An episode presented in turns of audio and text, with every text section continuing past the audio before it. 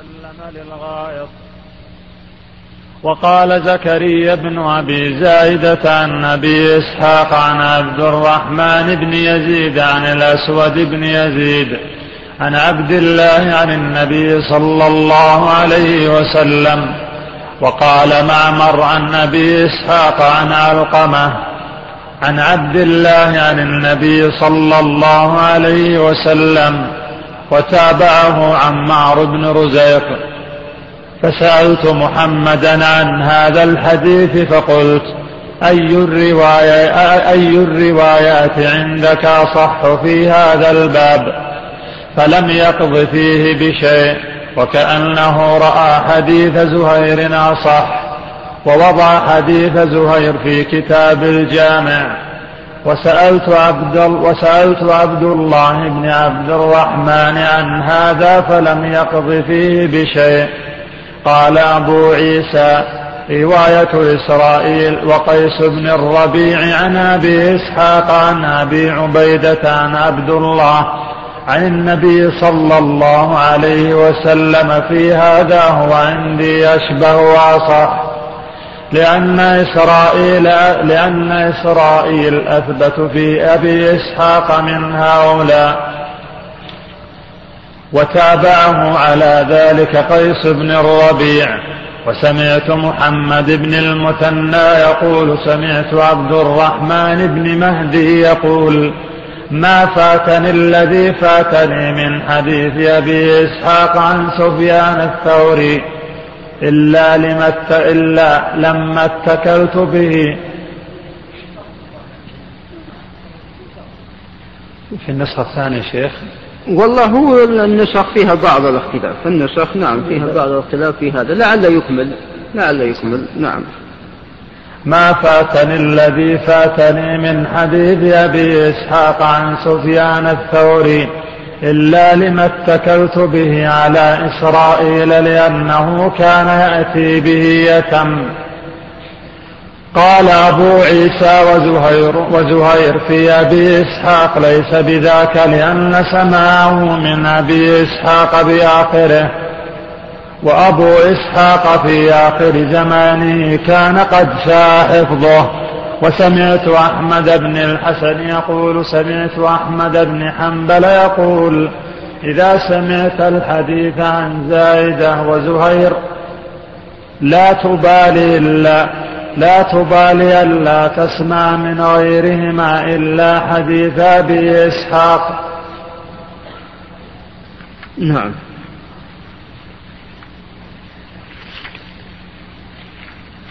قال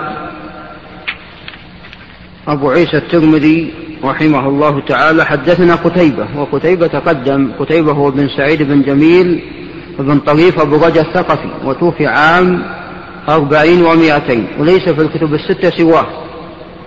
وهناد هو ابن السري أبو السري التميمي الكوفي وهو ثقة حافظ توفي عام ثلاثة وأربعين ومائتين.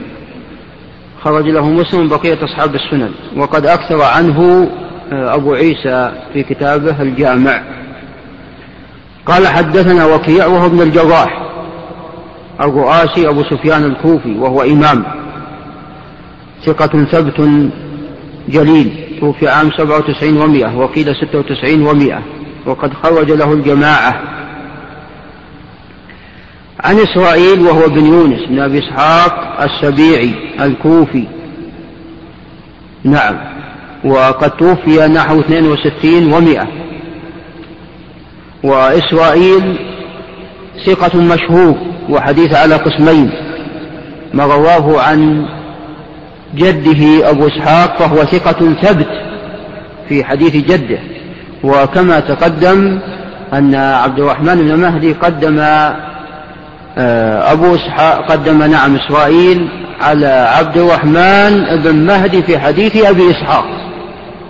و آه، نعم عبد الرحمن بن مهدي قدم حديث إسرائيل على الثوري في حديث أبي إسحاق. عبد الرحمن بن مهدي قدم حديث إسرائيل أو قدم رواية إسرائيل على سفيان الثوري في حديث أبي إسحاق. معنى سفيان الثوري من كبار الحفاظ الثقات ولكن لما تقدم في أن إسرائيل كان ضابطا لحديث جده.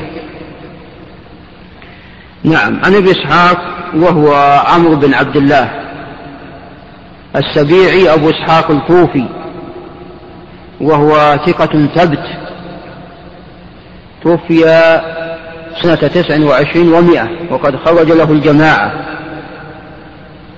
أو نحو ذلك فيما يتعلق بوفاته. وقد خرج له الجماعة وهو من الطبقة الثالثة وهو كما ذكرت ثقة ثبت وحديث على قسمين. حديثه القديم أقوى من حديثه المتأخر. حديثه القديم أقوى من حديثه المتأخر. والسبب في ذلك أنه عمر رحمه الله حتى آه، عندما توفي آه، كان ناهز التسعين أو جاوزها. نعم. ولذلك أصبح حديث القديم أقوى. لأن غالبا أن الإنسان إذا كبر قد يحصل له تغير وقد وصفه الحفاظ بذلك وبعضهم أطلق عليه الاختلاط ولكن الاختلاط عند أهل العلم على قسمين. القسم الأول الاختلاط المؤثر الذي بحيث لا يقبل حديث الراوي وذلك عندما يتغير حفظه بالكلية ويختلط عقله. مثل ما حصل مثلا لسعيد بن أبي عروبة فاختلط بالكلية تقريبا. فلذلك أصبح لا يحتج بما حدث به بعد الاختلاط إلا ما كان ممن يميز حديثه. كما قال وكيع بن الجراح دخلنا على على على سعيد بن أبي عروبه فكان يحدثنا فما كان من حديثه كتبناه. وما لم يكن من حديثه أسقطناه. فهم الحفاظ من وكيع وأمثاله يعرفون حديث الرواة. نعم ومثل عطاء بن السائب لا يحتج بحديثه الذي حدث به بعدما اختلط ولكن يكتب حديثه. فإن وجد ما يشهد له فهنا يتقوى فهنا يتقوى. فهذا اختلاط مؤثر. الاختلاط الثاني أو النوع الثاني من أنواع الاختلاط هو الاختلاط الذي لا يؤثر كثيرا. له شيء من التأثير لكن لا يؤثر كثيرا. وهو الاختلاط الذي هو عبارة عن تغير الحفظ. يعني تغير حفظه قليلا. لا شك أن الإنسان في حال قوته ونشاطه يكون أضبط وأتقن. فإذا كبر قد يتغير قليلا. ولكن هو ضابط لحديثه. ولكن حصل له شيء من التغير. وهذا الذي جرى لأبي إسحاق السبيعي. هذا الذي جرى لأبي إسحاق السبيعي. ومثل ما حصل لسفيان بن عيينة. حتى عندما سأل ابن مهدي قال كنت حدثنا بهذا الحديث غير ما حدثنا الآن. قال عليك بالسماع الأول. عليك بالسماع الأول. فحديث فأيضا بن عيينة حصل له مثل هذا. فبعض أهل العلم قد يخطئ ويقول أن أبو إسحاق اختلط كما وصفه بذلك الأئمة إذا حديث ضعيف فيما حدث به بعد الاختلاط. وهذا ليس بصحيح. ولا بد على الإنسان أولا أن يتأكد من هذا الاختلاط. هل هو مؤثر ولا ليس بمؤثر؟ لابد من التأكد. وكيف يتأكد؟ من خلال الرجوع إلى كلام الأئمة ومن خلال آه، معاملة الأئمة لحديث هذا الراوي الذي وصف بذلك. ولذلك الذهبي في الميزان في ترجمة أبي إسحاق قال لم يختلط. قال تغير ولكن لم يختلط. وأيضا آه، ممن سمع من أبي إسحاق بعدما تغير إسرائيل الذي هو من أثبت الناس في جدة ويقدم على سفيان الثوري. الذي سمع منه سفيان قديما. سفيان سمع من أبي إسحاق قديما وإسرائيل بعده. ومع ذلك يقدم إسرائيل عليه. وزهير بن معاوية الجعفي وهو ممن سمع من إسرائيل عفوا وهو ممن سمع من أبي إسحاق أخيرا أيضا. ومع ذلك البخاري قد خرج لزهير في صحيحة من حديث أبي إسحاق. وأكثر من رواية إسرائيل عن أبي إسحاق. البخاري في كتاب الصحيح أكثر من رواية إسرائيل عن أبي إسحاق. ولم توجد لأبي إسحاق أحاديث منكرة كثيرة. يعني وجد بعض الأحاديث التي أخطأ فيها. مثل حديث أن الرسول عليه الصلاة والسلام كان ينام ولا يمس ماء. هذا أخطأ فيه أبو إسحاق. وأنكر الإمام مسلم وغيره من الحفاظ. نعم. وبعض أهل العلم صححه والصواب أنه خطأ. فأبو إسحاق مكثر من الرواية ومن الحديث فوقع في بعض الأخطاء ولكن ولكنه لم يختلط الاختلاط الذي هو بحيث يمنع من الاحتجاج بحديثه. لا وإنما حصل له بعض التغير حتى أنه عندما كبر قيل ما الذي بقي منك؟ قال إني أقرأ سورة البقرة وأنا قائم. فكان يصلي ويقرأ بسورة البقرة. وهذا يدل على أنه يعني آه، عنده حفظ وإتقان لما حفظ. نعم. وكما ذكرت آه، يعني الأئمة احتجوا بحديثه حتى في من روى عنه بعد ما تغير. ومنهم البخاري على رأسهم. نعم.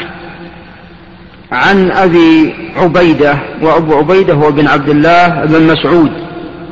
وأبو عبيدة توفي بعد الثمانين وقد اختلف في سماعه من أبيه.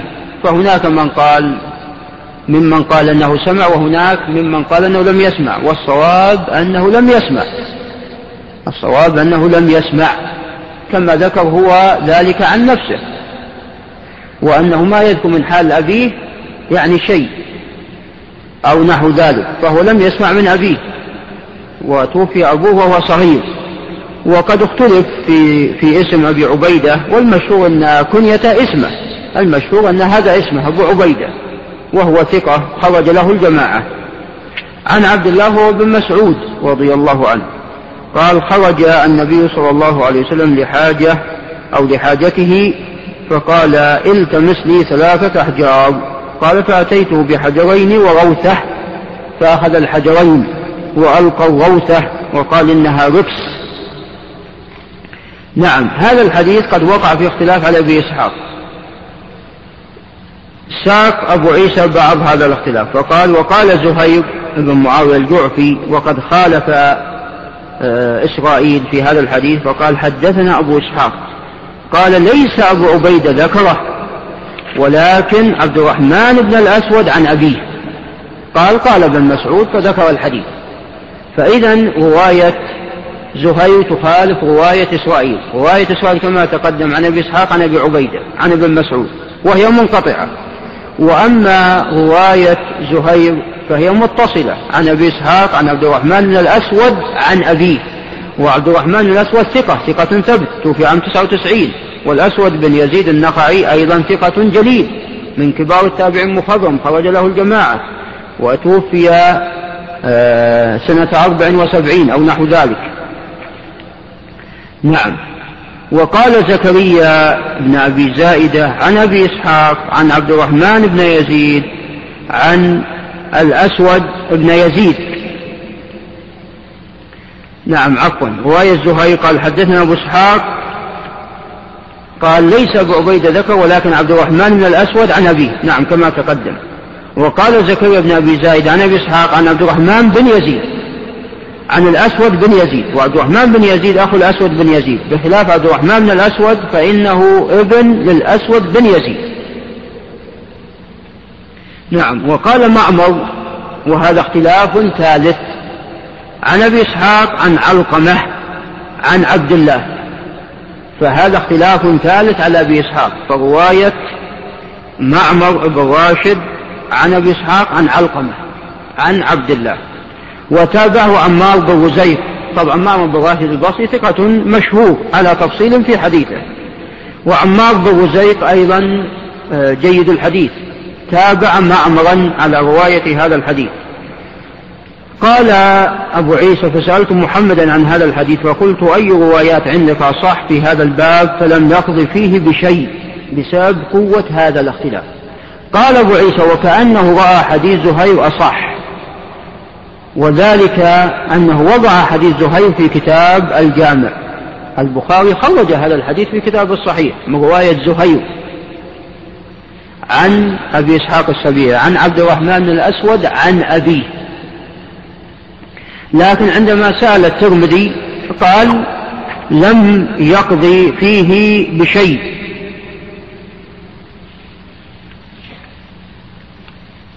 نعم. قال وسألت عبد الله بن عبد الرحمن وهو الدارمي صاحب السنن والمسند يسمى سنن يسمى مسند الدارمي والمشهور بأنه مسند الدارمي وعبد الله بن عبد الرحمن الدارمي من كبار الحفاظ وتوفي عام خمسة وخمسين ومائتين. وكتابه المسند أو السنن آه، يتميز بأكثر من ميزة يتميز بعلو أسانيده يتميز كذلك أيضا بأنه أيضا آه، لم يقتصر على الأحاديث المرفوعة بل أيضا ذكر ما جاء عن الصحابة وما جاء عن التابعين وأتباعهم. نعم.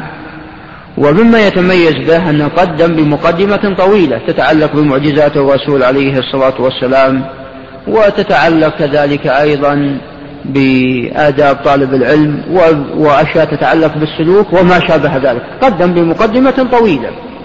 وأيضا يتميز بأنه في بعض الأبواب أطال. يعني مثلا بالذات في الحيض أطال جدا في الحيض أطال في المقدمة وأطال في الحيض. حتى في الحيض تقريبا أحاديث وآثار والآثار التي جاءت في الحيض استغرقت تقريبا ثمانين صفحة من بعض الطبعات. نعم فأطال جدا. وهذه قضية مهمة وقع فيها خلاف مطول بين أهل العلم كما هو معلوم. ومما يتميز به أن الدارمي أحيانا عندما يذكر الحديث يعقب الحديث برأيه وما يختار. وأحيانا قد يتكلم على الحديث من حيث التصحيح أو التضعيف. مثل ما ضعف آه، الحديث حديث أبي جحيفة الذي فيه أن بلالا عندما أذن وضع أصبعيه في أذنيه. حديث أبو, أبو جحيفة ثابت في الصحيح بدون وضع الأصبعين في الأذنين. نعم. ولكن جاء في رواية خارج الصحيح أن آه، بلال وضع أصبعيه في أذنيه فالبخاري في كتابه الصحيح ضعف هذه الزيادة. وكذلك الدارمي في كتابه السنن. في كتابه السنن.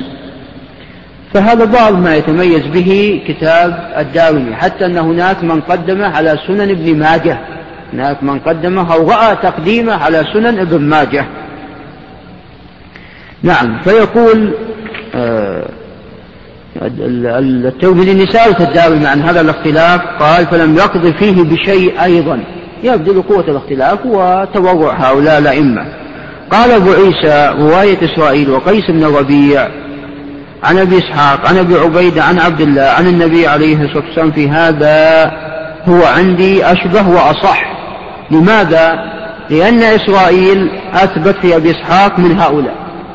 لا شك أن إسرائيل أثبت في أبي إسحاق من الباقين من الآخرين. أثبت من زهير أثبت من معمر أثبت من عمار بن غزير نعم أثبت من زائدة فأثبت عفوا من زكريا بن أبي زائدة فأثبت من الآخرين. فلذلك أبو عيسى قدمه. وقد تابعه أيضا قيس بن ربيع. وقيس بن ربيع فيه ضعف. قيس بن ربيع فيه ضعف. ثم ذكر عن ابن مهدي أنه آه، قدم إسرائيل في حديث أبي إسحاق على سفيان الثوري قال أبو عيسى وزهير في أبي إسحاق ليس بذاك لأن سماعه من أبي إسحاق بآخرة. وأبو إسحاق في آخر زمانه كان قد ساء حفظه. نعم. هذه الحجة الثانية. وهي أن زهير سمع من أبي إسحاق أخيرا. وليس معنى هذا عند أبي عيسى الترمذي أن كل من سمع أخيرا عن أبي إسحاق أنه مردود رواية لا. وإنما عند الاختلاف وعند التضاد فهنا يقدم الأوجه. فقال أن من سمع أخيرا هذه روايته تكون موجوعة بالنسبة لغيره ممن هو أتقن وأضبط في حديث أبي إسحاق وهو إسرائيل. وسوف يأتي مناقشة هذا القول بمشيئة الله. قال وسمعت أحمد بن الحسن وهو الترمذي من الحفاظ يقول سمعت أحمد بن حنبل يقول سمعت الحديث إذا عفوا إذا سمعت الحديث عن زائدة وزهير فلا تبالي ألا تسمع من غيرهما إلا حديث أبي إسحاق. يريد آه، أبو يريد عفوا أبو عيسى الترمذي أن يؤيد رأيه أيضا بما جاء عن الإمام أحمد وهو أن زايد وزهير من الحفاظ الثقات. وأنك إذا سمعت الحديث من واحد منهما فلا تبالي أن لا تسمعه من غيرهما. إلا فيما يتعلق بحديث أبي إسحاق فإن هناك من هو أتقن وأثبت منهم. نعم. وطبعا أبو حاتم وأبو زرع الرازي أبو حاتم الرازي وأبو زرعة قد تابع أو قد ذهب في هذا الحديث إلى نفس ما ذهب إليه أبو عيسى الترمذي من توجيه رواية إسرائيل من توجيه رواية إسرائيل. نعم. والأقرب والله أعلم هو توجيه رواية زهير كما ذهب إلى هذا البخاري فالبخاري اختار من هذه الأوجه والطرق طريق زهير وذلك لأمور. أولا أن زهير قد توبع فتابع يوسف حفيد أبي إسحاق السبيعي تابع زهير. وتابعهم أيضا شريك بن عبد الله القاضي. وقد روى أيضا هذا الحديث ليث ليث بن أبي سليم وإن كان لا يحتج به لضعفه ولكن هنا يستأنس بروايته. قد روى ليث بن أبي سليم هذا الحديث عن عبد الرحمن بن الأسود. بمثل ما رواه زهير وشريك ويوسف حفيد, حفيد أبي إسحاق. فهذا أيضا يرجح رواية هؤلاء عن أبي إسحاق أو يرجح هذا الوجه عن أبي إسحاق. نعم. ومما يزيد روايتهم ترجيحا أيضا أن وهذا الأمر الثاني أن زكريا بن أبي زائدة وإن كان قد رواه عن أبي إسحاق ولكن جعله عن عبد الرحمن بن يزيد عن الأسود بن يزيد. فهو وافقهم ببعض هذا الإسناد. خالفهم في شيخ أبي إسحاق. أبو إسحاق روى عن عبد الرحمن بن الأسود عن أبيه. في رواية زكريا أنه رواه أبو إسحاق عن عبد الرحمن بن يزيد عن الأسود بن يزيد. فاتفقوا بأن الأسود بن يزيد قد رواه عن ابن مسعود. ولكن اختلفوا في شيخ أبي إسحاق. ولا شك أن رواية الجماعة مقدمة. وزكريا بن أبي زائدة وإن كان خالفهم في بعض الإسناد ولكن يعتبر وافقهم بالبعض الآخر فهذا أيضا مرجح هذا مرجحين. المرجح الثالث هو ما قاله أبو إسحاق قال ليس أبو عبيدة ذكره. ورواية إسرائيل عن أبي إسحاق عن أبي عبيدة فيبدو أن أبا إسحاق كأنه تذكر قال ليس أبو عبيدة ذكره. وإنما الذي ذكره عبد الرحمن بن الأسود عن أبي. فأبو إسحاق في هذه الرواية آه، أنكر رواية أبي عبيدة فيبدو أنه تذكر فقال ليس أبو عبيدة ذكره وإنما عبد الرحمن بن الأسود عن أبيه فأيضا هذا يعتبر مرجح آخر. يرجح رواية زهير ومن معه. فلذلك البخاري اختار رواية زهير وأيد ما ذهب إليه البخاري بن حجر وشرح أوجه تقديم رواية زهير على رواية الآخرين.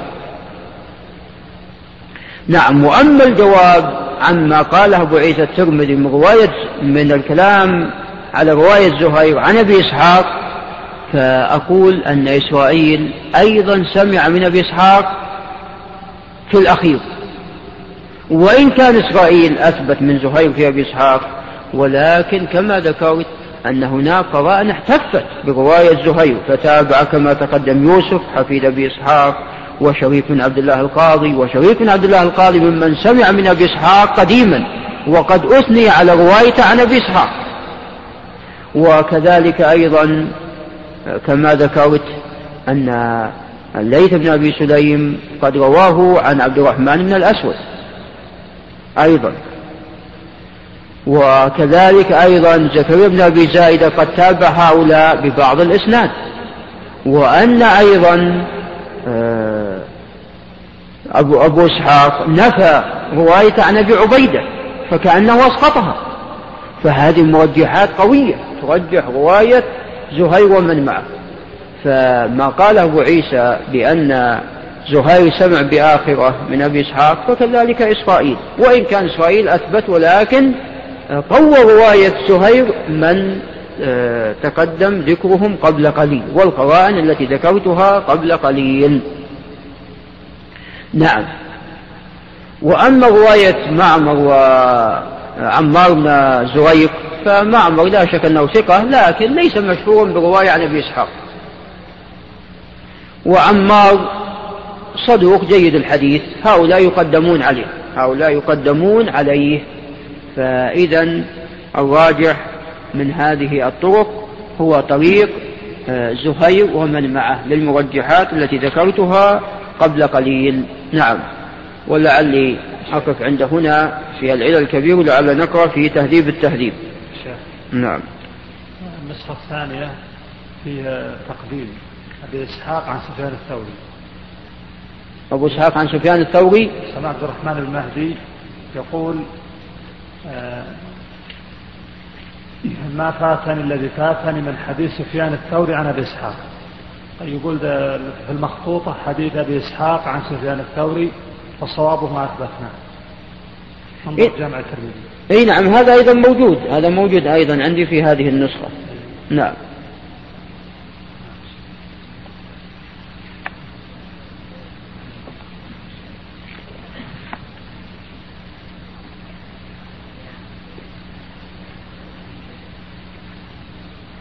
هي نفس رواية زهير لكن نسب من؟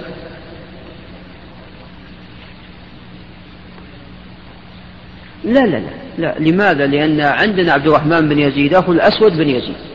وعندنا عبد الرحمن بن الأسود بن يزيد. كلاهما راويان. كلاهما راويان. فيبدو أن زكريا بن أبي زايدة أخطأ. نعم. بسم الله الرحمن الرحيم.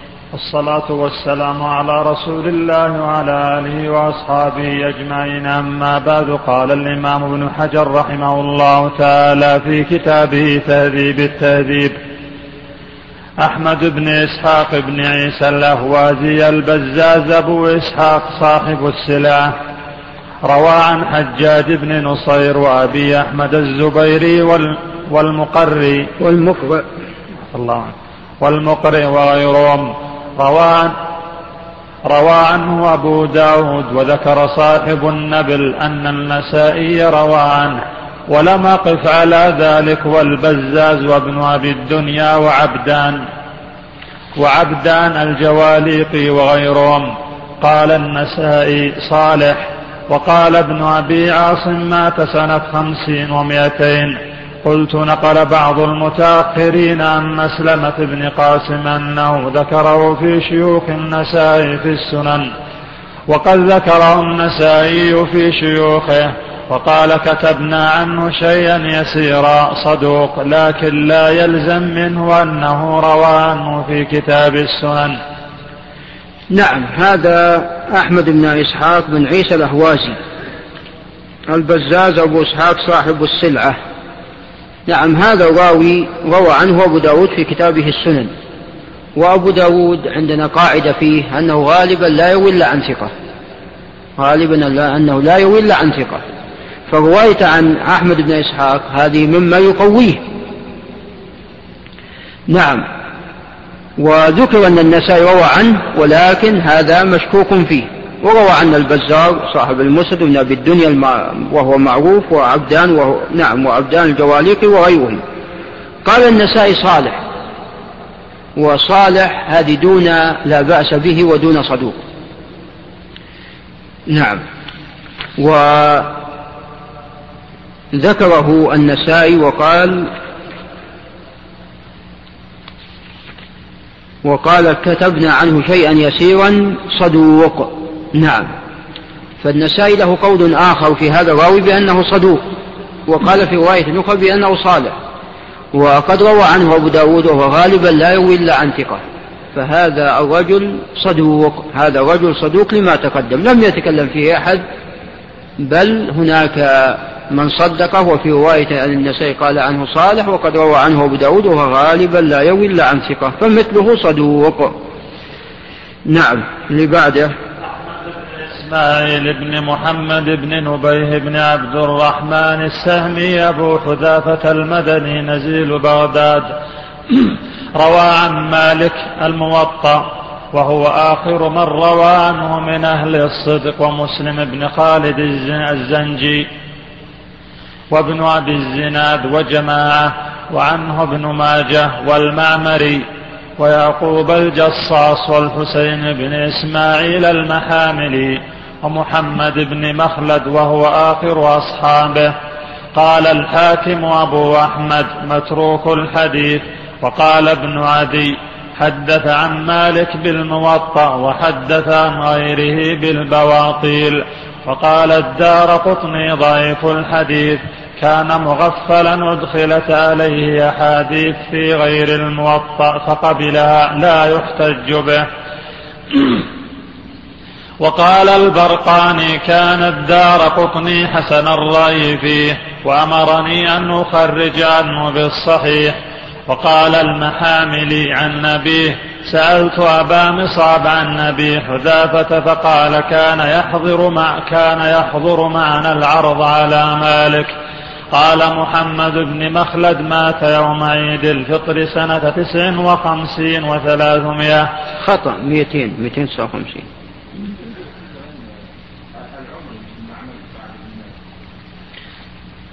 لا المعمري خطأ العمري المعمري. المعمري. لا العمري خطأ. وهو من الحفاظ المعمري من الحفاظ. نعم.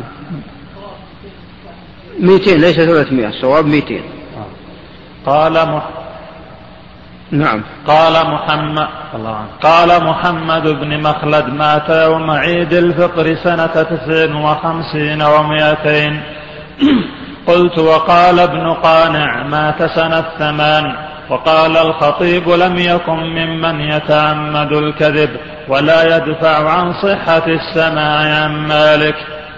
ولفظ ابن ولفظ ابن عدي حدث عن مالك وغيره بالأباطيل وامتنع ابن صاعد من التحديث عنه مدة.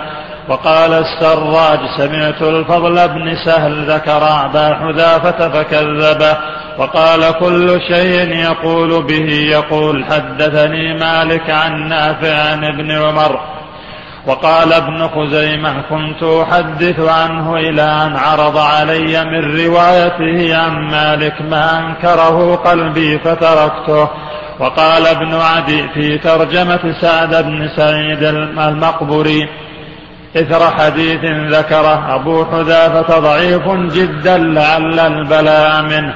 روى العتيقي عن الدار قطني روى الموطأ عن مالك مستقيما.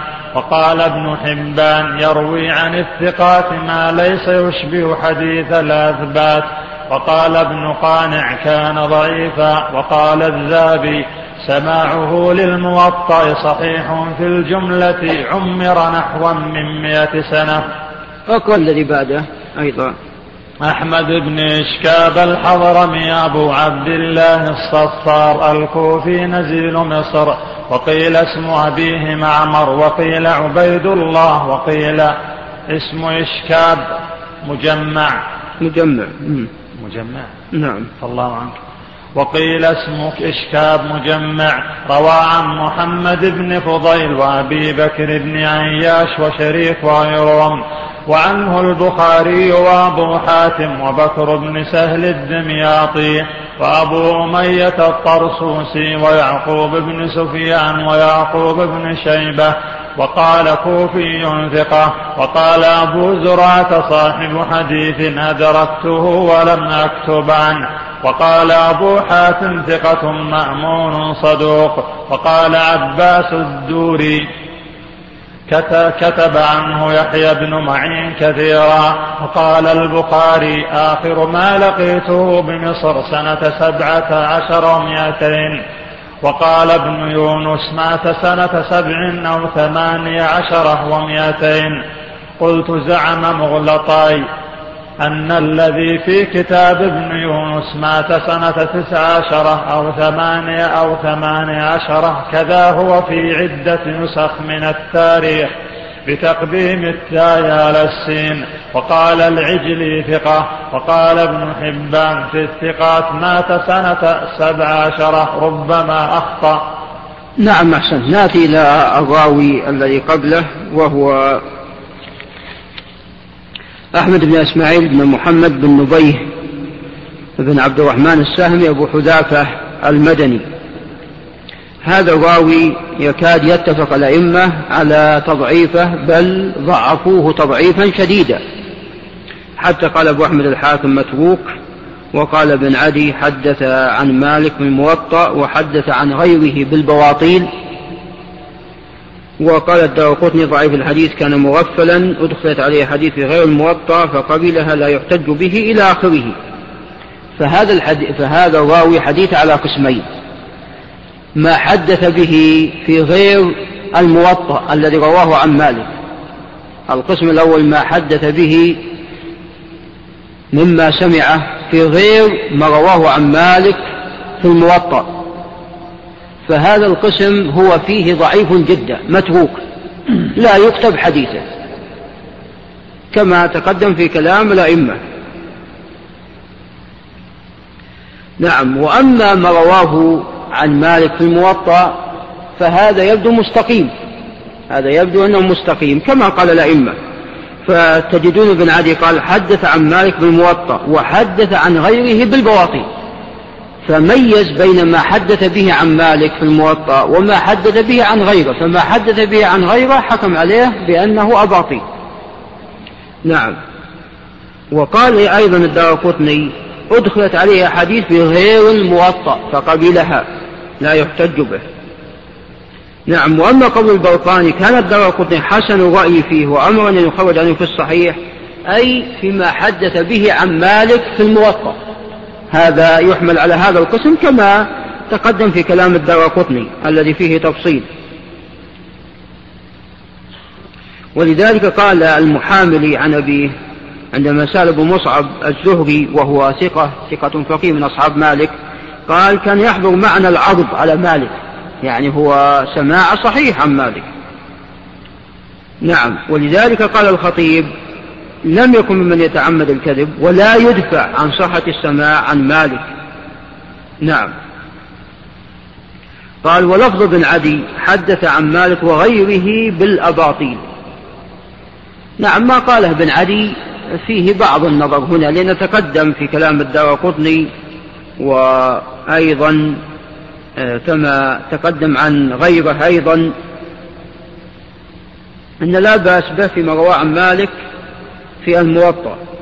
ولذلك قال العتيق عن الدار قطني روى الموطأ عن مالك مستقيما فنص على ذلك. والموطأ قد رواه جمع كبير عن مالك. ولا يقول الدار قطني أن روى الموطأ عن مالك مستقيما إلا, إلا بتتبع لروايته ومقارنته برواية الحفاظ الثقات. فوجد أن روايته عن مالك الموطأ مستقيمة. ولذلك قال الذهبي سماعه الموطأ صحيح في الجملة. نعم. إذا حديث على قسمين. ما حدث به عن غير مالك في الموطأ هذا مردود وهو شديد الضعف. وما حدث عن مالك في الموطأ فهذا مقبول. هذا في الأصل أنه مقبول. والموطأ قد جاء عن غيره. الموطأ كما تقدم جاء عن غيره. رواه جمع كثير. رواه يحيى بن يحيى الليثي ورواه كذلك أيضا محمد بن الحسن الشيباني ورواه كذلك أبو مصعب الزهري ورواه سويد بن سعيد الحدثاني ورواه ابن زياد ورواه القعنبي وكل موطعات هؤلاء مطبوعة. وبعضها مطبوع بعضه وليس كله. بعضها مطبوع بعضه وليس كله. وقد رواه عن هؤلاء غيرهم كثير. رواه الشافعي وابن مهدي ويحيى بن يحيى التميمي والقعنبي وعبد الله بن يوسف التنيسي وابن القاسم وغيرهم. نعم. فجزاك الله خير. فرواية عن مالك في الموطأ مستقيمة. نعم. هذا ما يتعلق بالراوي هذا. نأتي إلى أحمد بن إشكاب الحضرمي. أحمد بن إشكاب ثقة وتوثيق واضح ولم يختلف فيه. وهذا من الرواة الذين ذكرت سابقا أن الرواة على أقسام ثلاثة إما ثقة لا يختلف في توثيقه وإما ضعيف لا يختلف في تضعيفه. وإما يكون مختلف فيه.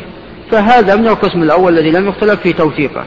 فوثق يعقوب بن شيبة السدوسي ووثقه آه، أيضا أبو حاتم قال ثقة مأمون صدوق وقال أبو زرعة كان صاحب حديث. نعم. وأيضا وثقه العجلي وروى عنه البخاري. في الصحيح فهو ثقة بالاتفاق. وذكر ابن حبان في الثقات وهو ثقة بالاتفاق. أما قول ابن حبان ربما أخطأ فهذه تقليل. هذه صيغة تقليل. ولا شك ليس من حد الثقة ألا يخطئ. ليس من حد الثقة ألا يخطئ. ومن تتبع كلام ابن حبان يجده أن يذكر مثل هذه العبارة في مرات عديدة. يذكر مثل هذه العبارة. فليس من حد الثقة ألا يخطئ. وكما تقدم من الأئمة ما وصفوا بالخطأ. فأبو فعفوا يعقوب بن شيبة قال ثقة وأبو حاتم قال ثقة صدوق مأمون وأبو زرعة قال صاحب حديث فهو ثقة. نعم. فهذا راجع في أحمد بن أشكاب. نعم رحمك الله. لعلي أقف عند هنا وأجيب على بعض الأسئلة.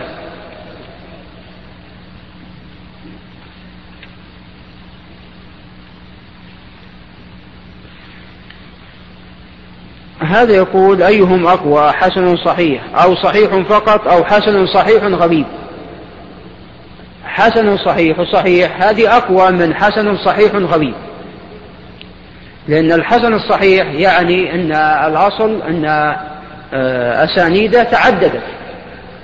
أما حسن صحيح غريب جزاك الله خير فالأصل أنه غريب ولم تتعدد أسانيده.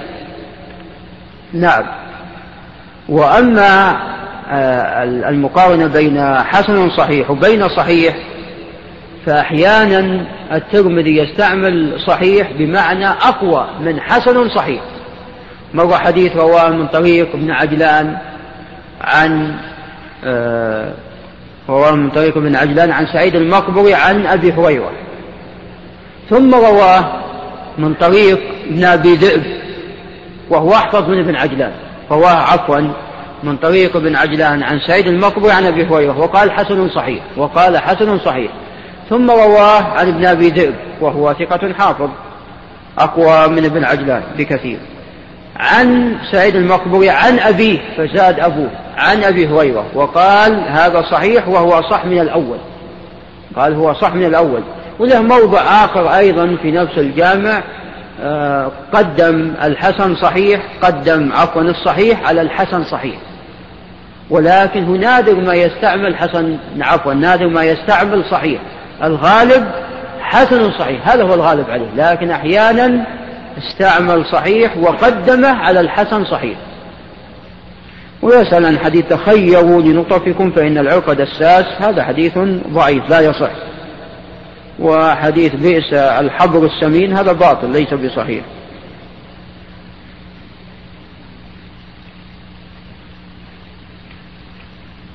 هذا يسأل عن حديث عائشة إذا حاذنا وكبان سدلت إحدانا جلبابها على وجهها أو كنا أو نحو ذلك.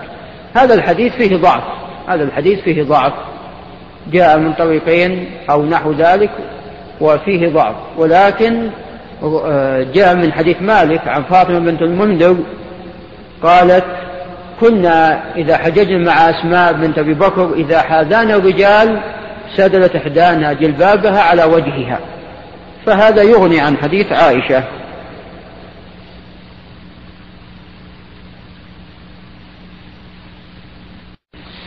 هذا موقوف الأصل هذا موقوف. عن أسماء بنت أبي بكر أن فاطمة تقول مع أسماء نفعل ذلك فهذا الأصل أنه موقوف. هذا يسأل عن حديث معاذ اللهم أعني على ذكرك وشكرك وحسن عبادتك. هل يقال قبل السلام أم بعده؟ الرسول عليه الصلاة والسلام قال لا تدعنا يا معاذ إني أحب إني أحبك فلا تدعنا في دبر كل صلاة أن تقول اللهم أعني على ذكرك وشكرك وحسن عبادتك. اختلف في دبر كل صلاة هل هو قبل السلام أم بعده؟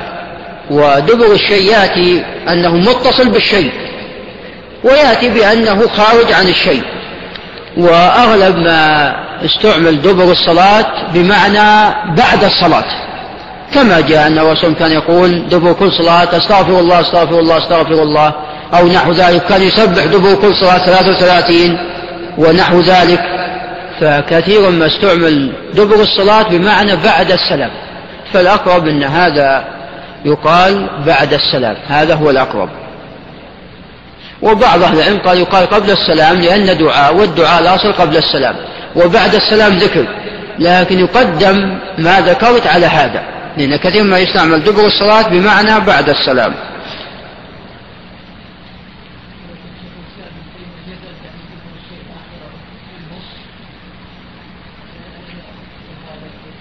هو يكون دبر الشيء آخر الشيء. مثل مثل الإنسان والحيوان دبر آخره وأيضا يكون آه، خارج عن هذا الشيء. كما يقول دبر الصلاة. إيش معنى دبر الصلاة؟ دبر يعني كان يسبح 33 يعني بعد ما يسلم.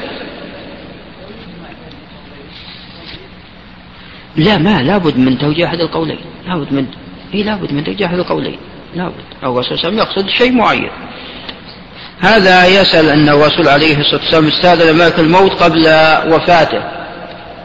نعم. طبعا هذا ليس بصحيح. هذا ليس بصحيح. أن ملك الموت ذهب إلى موسى عليه السلام. لكن آه، طبعا ثبت في الصحيح أن عائشة أو ثبت في الحديث الصحيح أن عائشة رضي الله عنها قالت كنا نقول أن ما قبل أن يموت النبي لابد أن يخير. نعم. ولكن جاء ملك الموت واستاذن لا.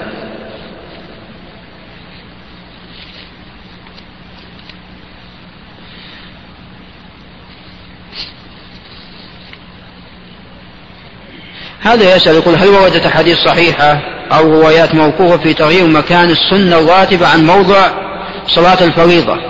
فأقول الله عز وجل قال يومئذ تحدث أخبارها أي بما عمل العاملون عليها. نعم. واستدل بهذه الآية على تغيير المكان. جاء في حديث معاوية الذي خرج الإمام مسلم أن الرسول عليه الصلاة والسلام نهى أن توصل صلاة بصلاة إلا أن يتكلم الإنسان أو, أو, أو يخرج. فيخرج هذا تغيير للمكان. وأما الأحاديث التي جاء فيها بأن الرسول كان يغير مكانه أو داعي إلى تغيير المكان فهذه ضعيفة. هذا يسأل عن حديث التشهد هل ينظر المتشهد إلى السبابة نعم ينظر إليها كما جاء في الحديث. وحديث حسب امرئ يقيمات يقمن صلبة هذا الحديث صحيح. وهذا يسأل ما حكم أخذ ما تحت القبضة من اللحية؟ هذا في خلاف ولا شك أن الراجح لا يجوز الأخذ ما آه، زاد على القبضة لأنه جاء في حديث أبي أمامة وهو حديث صحيح خرجه وهو حديث حسن خرج الإمام أحمد أن ذكر الرسول عليه الصلاة والسلام من اليهود كانوا يقصون عثانينهم والعثنون هو اللحية فقال خالفوهم وفروا عثانينكم يعني لا تقصون عثانينكم يعني لا تقصون عثانينكم وأيضا الرسول عليه الصلاة والسلام قال وفروا اللحى وأوخوا اللحى وتوفير اللحى هو بعدم التعرض لها. وما جاء عن بعض الصحابة ما جاء عن الرسول عليه الصلاة والسلام يقدم ولا شك.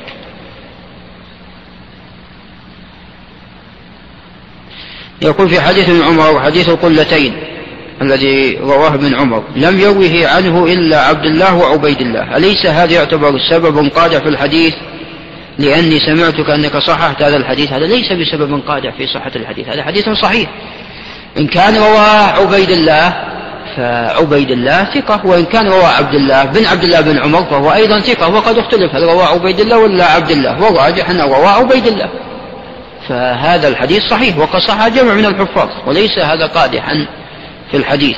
لأن إذا كان الاختلاف على إذا كان حصل اختلاف هذا الاختلاف إن كان يدور على ثقة مثل ما حصل في هذا الحديث يعني عبيد الله ولا عبد الله كلاهما ثقة ما يؤثر.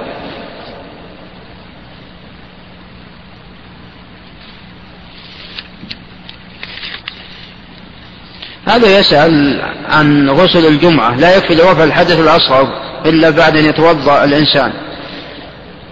الصواب أنه إن الإنسان إذا اغتسل ونوى عن التطهر من الحدثين الأكبر والأصغر فإنه يرتفع. وقد نقل الإجماع على هذا المسألة فيها خلاف ولكن قد نقل الإجماع على هذا. وقد ذهب إلى هذا الإمام ابن تيمية وابن العربي وغيرهم من أهل العلم.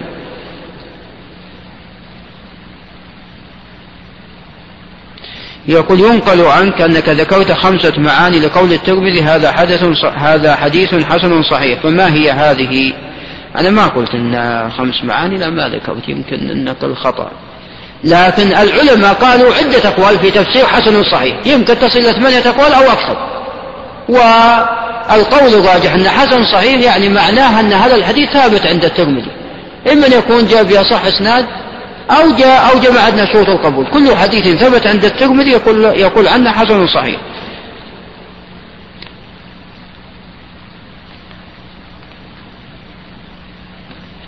ولعل القف عند هنا. نعم هذا والله أعلم. صلى الله وسلم على نبينا محمد. بسم الله الرحمن الرحيم. الحمد لله رب العالمين وأصلي وأسلم على نبينا محمد وعلى آله وأصحابه ومن تبعهم بإحسان إلى يوم الدين. أما بعد فتقدم الكلام لنا فيما سبق على الغريب وأن الغريب هو الحديث الفرد وأن الغرابة هي التفرد فالحديث الغريب هو الحديث الذي يحصل فيه تفرد إما أن يكون هذا التفرد في الإسناد وإما أن يكون في المتن وإما في كليهما جميعا. نعم. وتقدم الكلام على أقسام الغريب وأن الغرابة على قسمين. إما أن تكون هذه الغرابة في الإسناد وإما أن تكون هذه الغرابة في المتن. وأن الغرابة التي تكون في الإسناد هذه على قسمين إما أن تكون هذه الغرابة غرابة مطلقة وإما أن تكون هذه الغرابة غرابة نسبية. نعم. وتقدم على أقسام وتقدم عفوا الكلام على الغرابة المطلقة. وعلى الغرابة أيضا النسبية. وبقي علينا الغرابة التي تكون في المتن. والغرابة التي تكون في المتن هذه على قسمين. هذه تكون على قسمين. إما أن تكون إما أن يكون سبب هذه الغرابة هو أن الحديث يروى من أوجه متعددة ويروى من وجه آخر وفيه زيادة فتكون هذه الزيادة زيادة غريبة تكون هذه الزيادة غريبة وذلك بسبب كونها آه، إنما رويت من وجه غريب. وأن الحديث قد جاء بأسانيد متعددة وليس فيها هذه الزيادة فبالتالي تكون هذه الزيادة زيادة غريبة. نعم. وإما أن يكون الحديث أيضا أو هذا المتن أيضا يروى من طرق كثيرة ومتعددة. نعم. فيروى من وجه آخر ويختلف هذا الوجه عن باقي الأوجه. يختلف هذا الوجه عن باقي الأوجه. فيكون هذا أيضا غريب. يكون هذا غريب. نعم. وإما أن يكون وإما أن تكون هذه الغرابة بسبب أن هذا المتن لم يروى بإسناد قوي ويكون هناك ما يخالف هذا المتن وهناك ما يكون مخالفا لهذا المتن. بحيث لا يمكن الجمع ما بين هذا المتن وغيره. فمثال على هذا النوع حديث العلاء بن عبد الرحمن عن أبيه عن أبي هريرة رضي الله عنه أن الرسول عليه الصلاة والسلام قال إذا انتصف شعبان فلا تصوموا. هذا الحديث تفرد به العلاء بن عبد الرحمن. وقد اختلف الحفاظ في الكلام على صحة هذا الحديث فهناك جمع من الحفاظ ممن ضعف هذا الحديث وهناك بعض أهل العلم ممن قوى هذا الحديث. نعم أما الذين تكلموا في هذا الحديث وضعفوه فهم عبد الرحمن بن مهدي العنبري والإمام أحمد وأيضا آه، أبو زرعة الرازي وأبو بكر الأثرم وهؤلاء كلهم من كبار الحفاظ. وقد نقل الحافظ ابن حجر أن يحيى بن معين أيضا ممن تكلم في هذا الخبر. فهؤلاء كلهم تكلموا في هذا الخبر وعدوا هذا الخبر من الوهم والخطأ. وهناك ممن قوى هذا الخبر وحكم بصحته ومنهم أبو عيسى الترمذي وأبو جعفر الطحاوي وأبو محمد بن حزم. وغيرهم ممن أتى من بعدهم ممن قوى هذا الخبر وحكم بصحته. فأما الذين صححوه فقالوا العلاء بن عبد الرحمن ثقة وأبوه عبد الرحمن أيضا ثقة والإمام مسلم قد احتج بهذه السلسلة العلاء بن عبد الرحمن عن أبي عن أبي هريرة فإذا هذا حديث صحيح. نعم. وأما الذين حكموا بشذوذه ورده فوجه ما ذهبوا إليه هو أن هذا الحديث نعم عفوا ووجه ما جعلهم يحكمون برد هذا الحديث هو أمرين. الأمر الأول يتعلق بالإسناد. والأمر الثاني يتعلق بالمتن. أما الأمر الأول الذي يتعلق بالإسناد فهناك ممن قال بأن العلاء له بعض الأخطاء والأوهام وقد تفرد بهذا الحديث فهو حديث غريب فلا يستبعد أن العلاء قد أخطأ في هذا الحديث.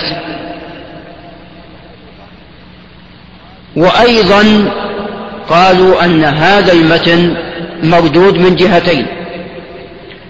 الجهة الأولى هو ما ثبت في الصحيحين من حديث أبي سلمة عن أبي هريرة أن الرسول عليه الصلاة والسلام قال لا تقدموا رمضان بصوم يوم أو يومين إلا رجل كان يصوم صوما فليصمه. وهذا قد جاء كما تقدم في الصحيحين من حديث أبي سلمة عن أبي هريرة وهو أصح من الطريق الآخر والحديث في الصحيحين بهذا بهذا اللفظ. وهذا اللفظ مخالف لما جاء في حديث العلاء بن عبد الرحمن عن أبي عن أبي هريرة. ففي حديث العلاء أن الرسول عليه الصلاة والسلام قال إذا انتصف شعبان فلا تصوموا. فنهى عن الصيام عندما ينتصف شعبان. وأما في الطريق الآخر فهو إنما نهى عن تقدم رمضان بيوم أو يومين إلا رجل كان يصوم صوما يعني رجل كان يصوم الاثنين أو الخميس ووافق ذلك في صيامه فهذا نعم له الحق أن يصوم. فإنما نهى عن تقدم رمضان بصوم يوم واحد أو يومين. إذا ما عدا ذلك صيام صيام ما قبل رمضان ثلاثة أيام أو أربعة أيام أو بأسبوع أو بأسبوعين فلا بأس بذلك. فحديث أبي هريرة له أصل صحيح وهو لا تقدم صيام رمضان بيوم أو يومين. وهو مخالف للطريق الأخرى التي هي دون هذه الطريق من حيث الصحة. الوجه الثاني أن الرسول عليه الصلاة والسلام كما في حديث عائشة وجاء أيضا في حديث سلمة كان يصوم أكثر شعبا. كان يصوم أكثر شعبا. كان يصوم شعبان كله أو أكثره.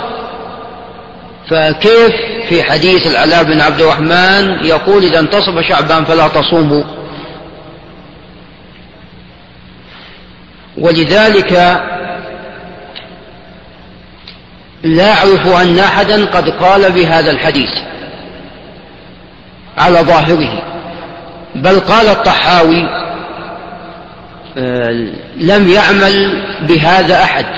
قال لم يعمل بهذا الحديث أحد. ويبدو أنه ذهب إلى نسخه.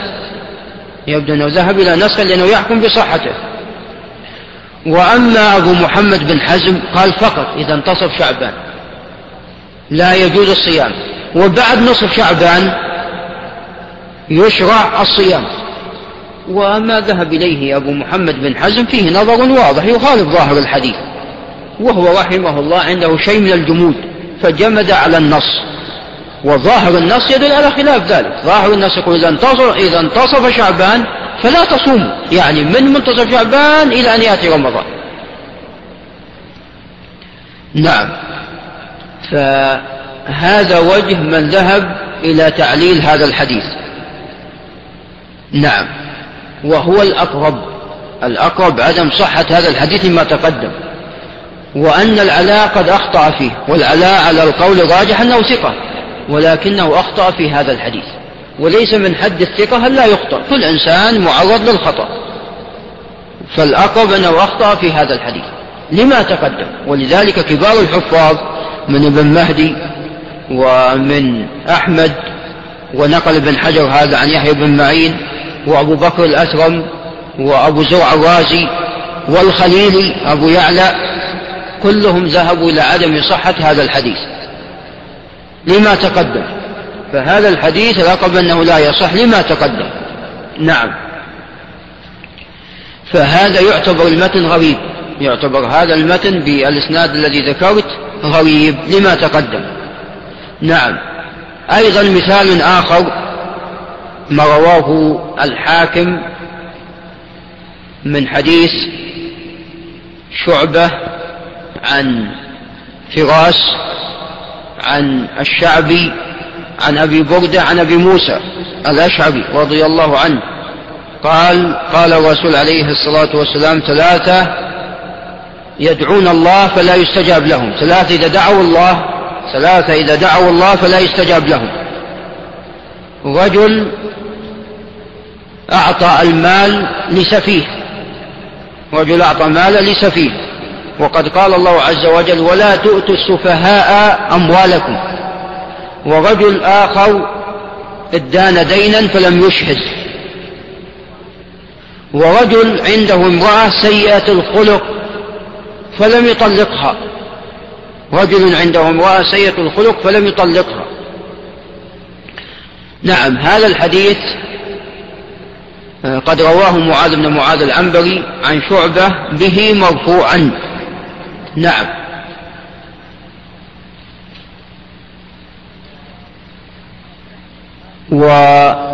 قد ذهب الحاكم إلى صحته وقال السبب في عدم تخريج الشيخين لهذا الحديث هو أن أصحاب شعبة وقفوه أي وقفوه على أبي موسى الأشعري. وقال الذهبي في تلخيص المستدرك قال أن جمهور أصحاب شعبة قد وقفوا هذا الخبر على شعبة. عفوا أن جمهور أصحاب شعبة قد وقفوا هذا الخبر على أبي موسى الأشعري ولم يرفعوه. وممن وقفه محمد بن جعفر المعروف بغندر ومحمد بن جعفر من كبار الحفاظ. وبالذات في شعبة فهو أثبت الناس في شعبة. أو من أثبت الناس في شعبة. نعم. ولذلك قال الذهبي في آه، تهذيب لسنن البيهقي قال هذا حديث منكر مع نظافة إسناده. قال هذا حديث منكر مع نظافة إسناده. فهذا الحديث غريب. والصواب أنه موقوف. وذلك كما تقدم أن أكثر أصحاب شعبة ومنهم محمد بن جعفر قد وقفوا هذا الحديث على أبي موسى الأشعب ثم أيضا أن الإنسان إذا كان عنده زوجة سيئة الخلق وصبر عليها هذا يثاب ولا ما يثاب؟ ويمدح ولا ما يمدح؟ يمدح فالشرع جاء بمدحه وجاء بالثناء عليه. والله عز وجل قال يا أيها الذين آمنوا اصبروا وصابروا ورابطوا واتقوا الله لعلكم تفلحون. وفي آيات كثيرة أمر بالصبر جل وعلا. ومن الأشياء التي ينبغي الإنسان أن يصبر عليها هو أن يصبر على أهله. إذا كان عندهم سوء خلق وعندهم تقصير وعندهم كذا فينبغي له أن يصبر عليهم. ولذلك الرسول عليه الصلاة والسلام قال إن المرأة خلعت عفوا إن المرأة خلقت من ضلع. نعم. وأنك إذا أردت أن تقيمها كسرتها وكسرها طلاقها. أو كما قال عليه الصلاة والسلام. فهنا دعا إلى الصبر عليها فالمرأة فيها نقص. فأنت إذا أردت من المرأة أن تكون أكمل وهذا خلاف طبيعتها فإذا سوف يؤدي فعلك هذا إلى كسرها إلى طلاقها. الرسول عليه الصلاة والسلام قال أن المرأة خلقت من عفوا آه، خلقت من ضلع وأن أعوج ما في الضلع أعلاه فإذا أردت أن تقيم كسرته فالمرأة إذا أردت أن تقيمها كسرتها وكسرها طلاقها. نعم. فهذا الحديث أيضا يفيد أنه ينبغي لك أن تصبر على زوجتك وأهلك وأن فيهم نقص إذا نصبر عليهم. فكيف يأتي في هذا الحديث؟ أنه إذا صبر عليها يكون مذموما وذلك أنه لو دعا لا يستجاب له. ولذلك ابن كثير إنما ذكر ذكر هذا الحديث موقوفا على آه، أبي موسى الأشعري. ذكر الرواية الموقوفة في كتاب التفسير وهذا منه ترجيح لوقف هذا الخبر. فالأقرب أن هذا الخبر موقوف على أبي موسى وليس بمرفوع وأن أخطأ من صححه. نعم فهذا حديث غريب. هذا حديث غريب. نعم. طبعا هذه الغرابة في المتن كله عفوا هذه مثال على الغرابة آه التي تكون في لفظة في الحديث. الغرابة التي تكون في لفظة في الحديث. لا شك عندما الإنسان يؤتي مال السفهاء. هذا مذموم. خالف ما جاء في الشرع. وعندما أيضا يستدين ولا يشهد فأيضا الشرع جاء أو حث أو أمر بالإشهاد. الشرع أمر بالإشهاد. نعم. بالنسبة للأمر الثالث هذا اللفظ غريب كما تقدم. والراجح في هذا الحديث أنه موقوف على أبي موسى الأشعري رضي الله تعالى عنه. نعم. وليس له حكم الرفع فيما يتعلق ليس له حكم الرفع وبالذات فيما يتعلق بهذه النقطة لأن النصوص الشرعية من القرآن والسنة جاءت مخالفة له بالإضافة إلى أن فيه علة في الإسناد. نعم. وهذه العلة هي التي جعلتنا نقدح في صحة هذه الزيادة أو صحة هذه اللفظة الموجودة في هذا الحديث وأن الراجح هو وقف هذا الحديث. نعم. أيضا آه، مثال آخر زيادة كما تقدم إنك لا تخلف الميعاد. هذه الزيادة غريبة تفرد بها محمد بن عوف الحمصي.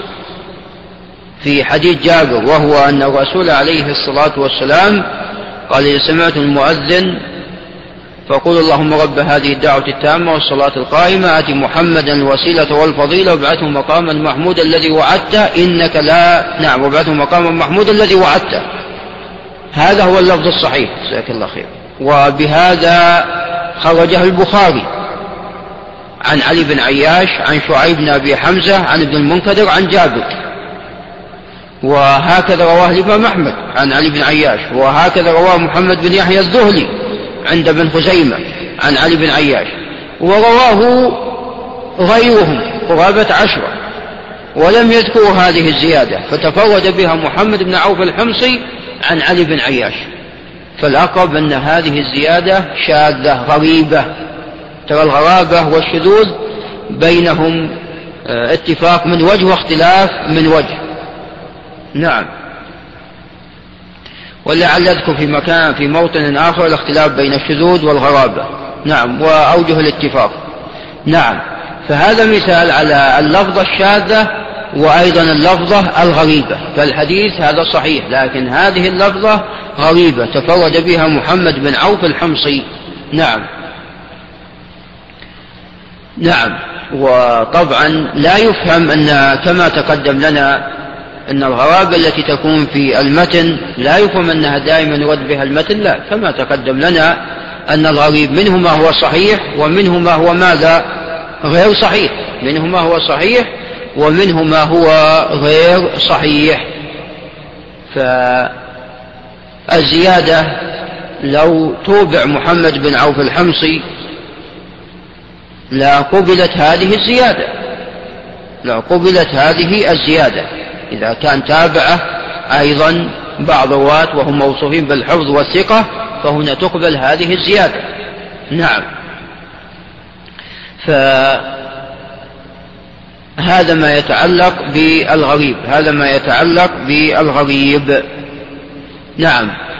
ولعلي أقف عند هنا وأنتهي من الغريب.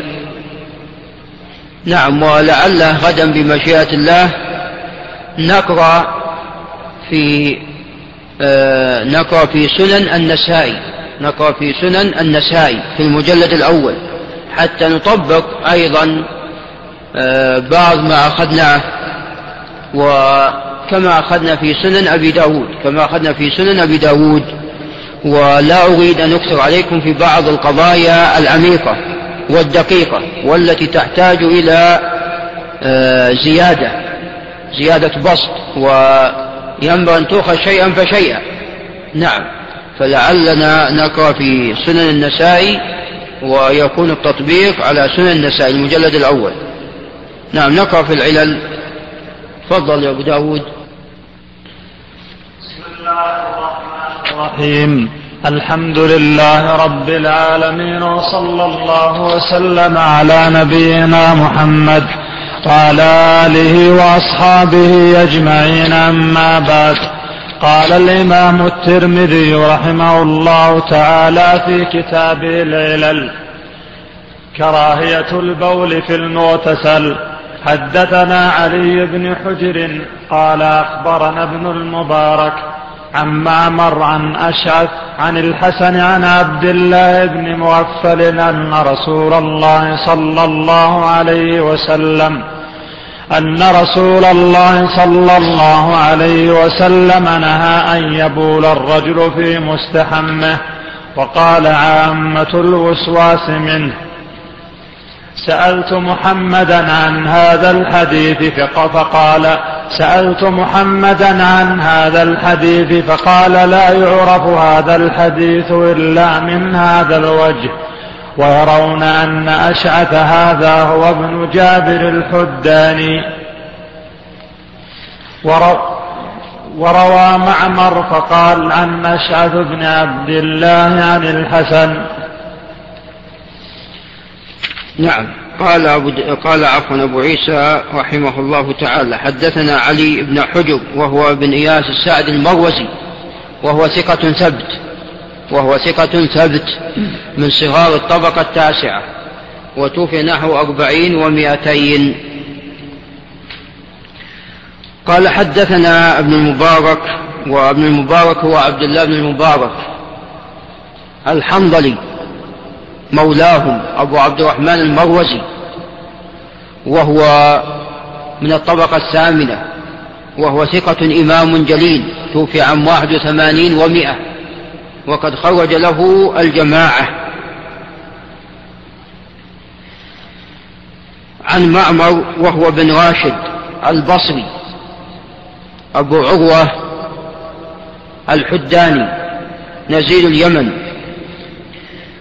ومعمر بن راشد توفي عام 54 أو 53 ومئة وقد خرج له الجماعة. وهو ثقة ثقة ثبت مشهور. وحديث ينقسم إلى أقسام.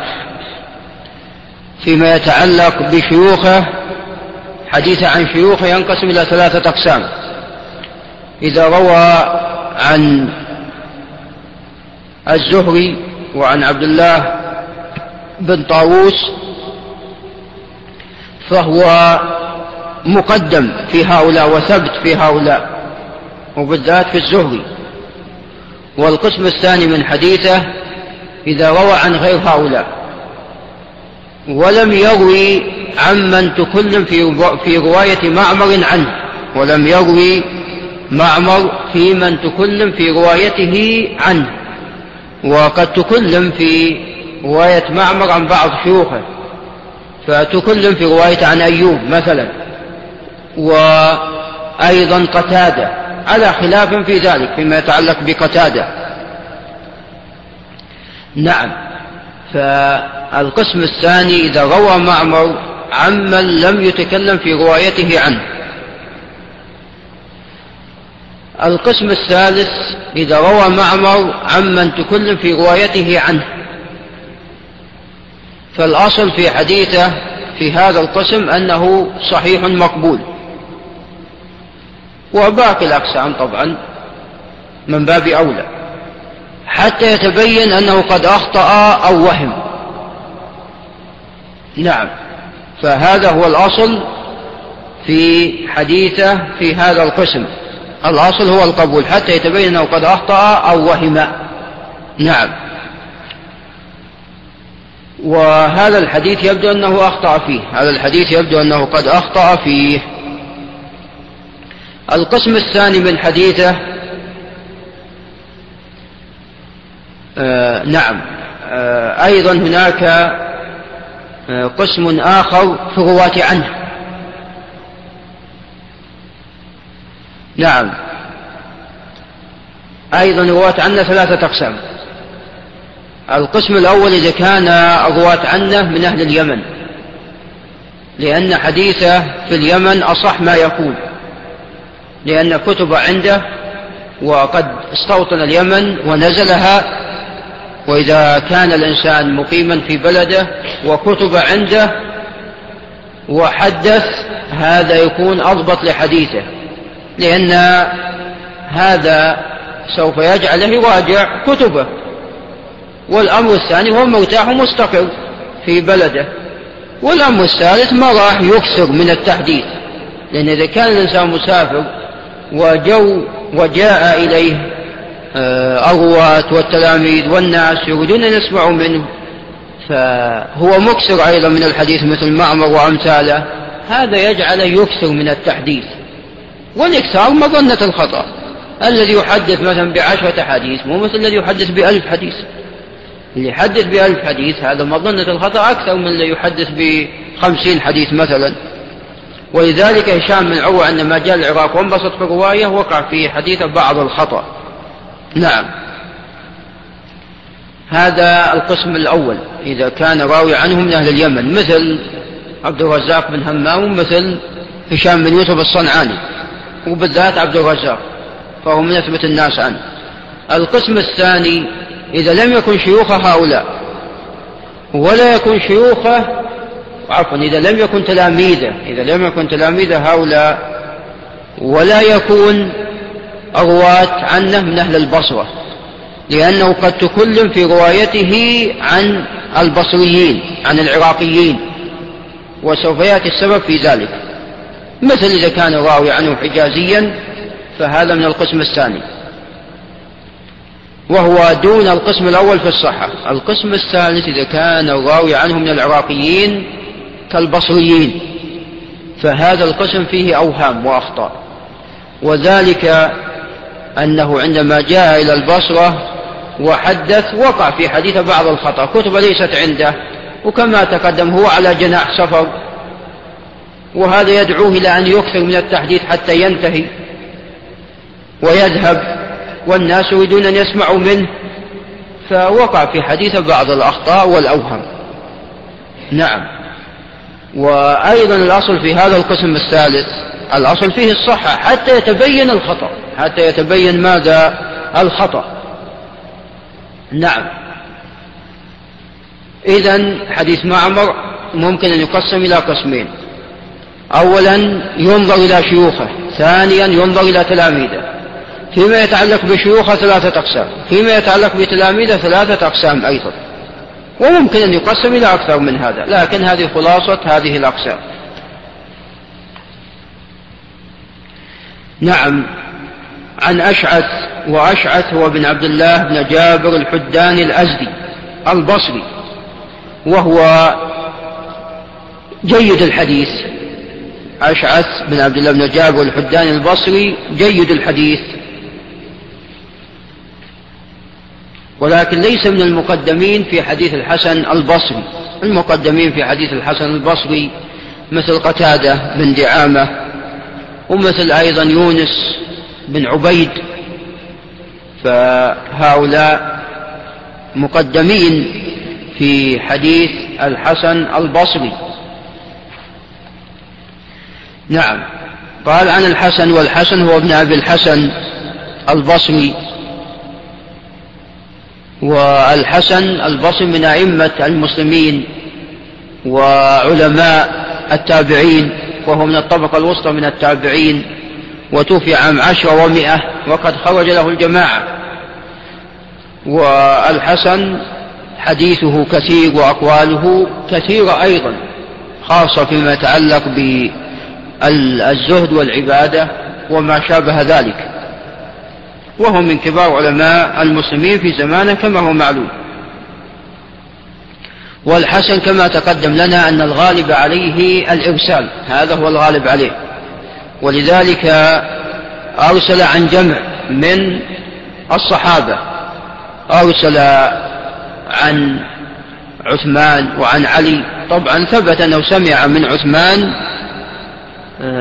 خطبة له خطبة فيما يبدو واحدة أنه أمر عثمان فيها أو سمع خطبة عثمان في الجملة أنه كان يأمر بقتل الكلاب والحمام. بقتل الكلاب والحمام. نعم. ف لكن أرسل عن أشياء أخرى وأرسل عن علي بن أبي طالب وهو لم يره وأرسل عن ابن عباس عفوا لم يسمع من علي وأرسل عن ابن عباس وأرسل عن أبي هريرة وأرسل عن جابر وكل هؤلاء لم يسمع منهم كل هؤلاء لم يسمع منهم. نعم فهو الغالب عليه الإرسال هذا هو الغالب عليه. ومن كان الغالب عليه الإرسال هذا ينظر في سماعه من هذا الشيخ الذي حدث عنه. إن كان سمع من عنده فالأصل أنه ما روى عنه يقبل.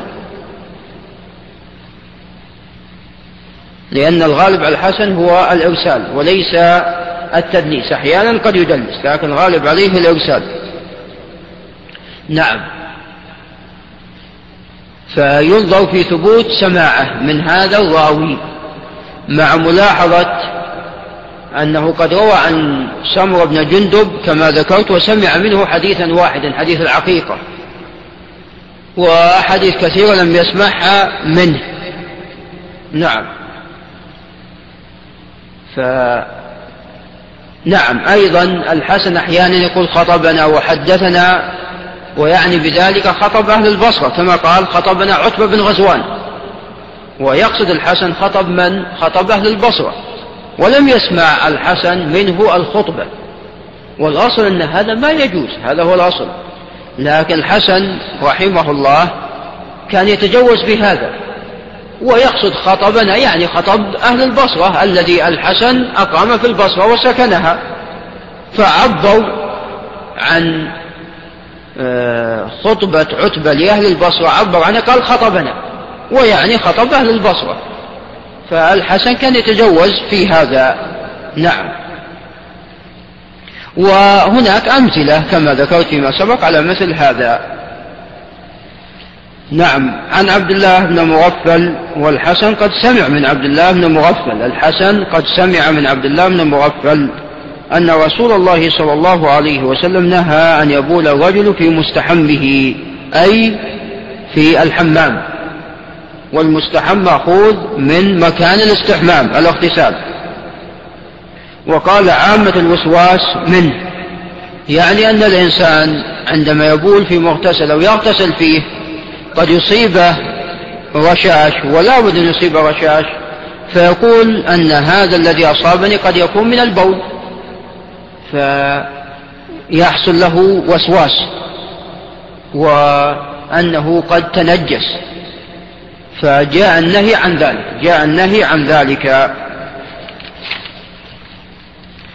قال أبو عيسى سألت محمدا عن هذا الحديث فقال لا يعرف هذا الحديث إلا من هذا الوجه ويرون أن أشعث هذا هو بن جابر الحداني وروى معمر فقال عن أشعث بن عبد الله عن الحسن وأشعث هو بن عبد الله بن جابر الحداني. نعم. نعم الترمذي قد خرج هذا الحديث في كتابه الجامع وقال لا نعرفه مرفوعا إلا من حديث أشعث قال لا نعرفه مرفوعا إلا من حديث أشعث. والصواب في هذا الحديث أنه موقوف على عبد الله بن مغفل هكذا رواه الثقات هكذا رواه الثقات. فالصواب هو وقف هذا الحديث على عبد الله بن مغفل هذا هو الصواب. وذلك أن بعض الثقات وهم يقدمون على أشعث ومنهم سعيد بن أبي عروبة قد وقفوا هذا الحديث قد وقفوا هذا الحديث. فالصواب في هذا الحديث هو وقفه هذا هو الصواب. نعم ولعل يقف عند هنا ونقرأ في التهذيب. نعم.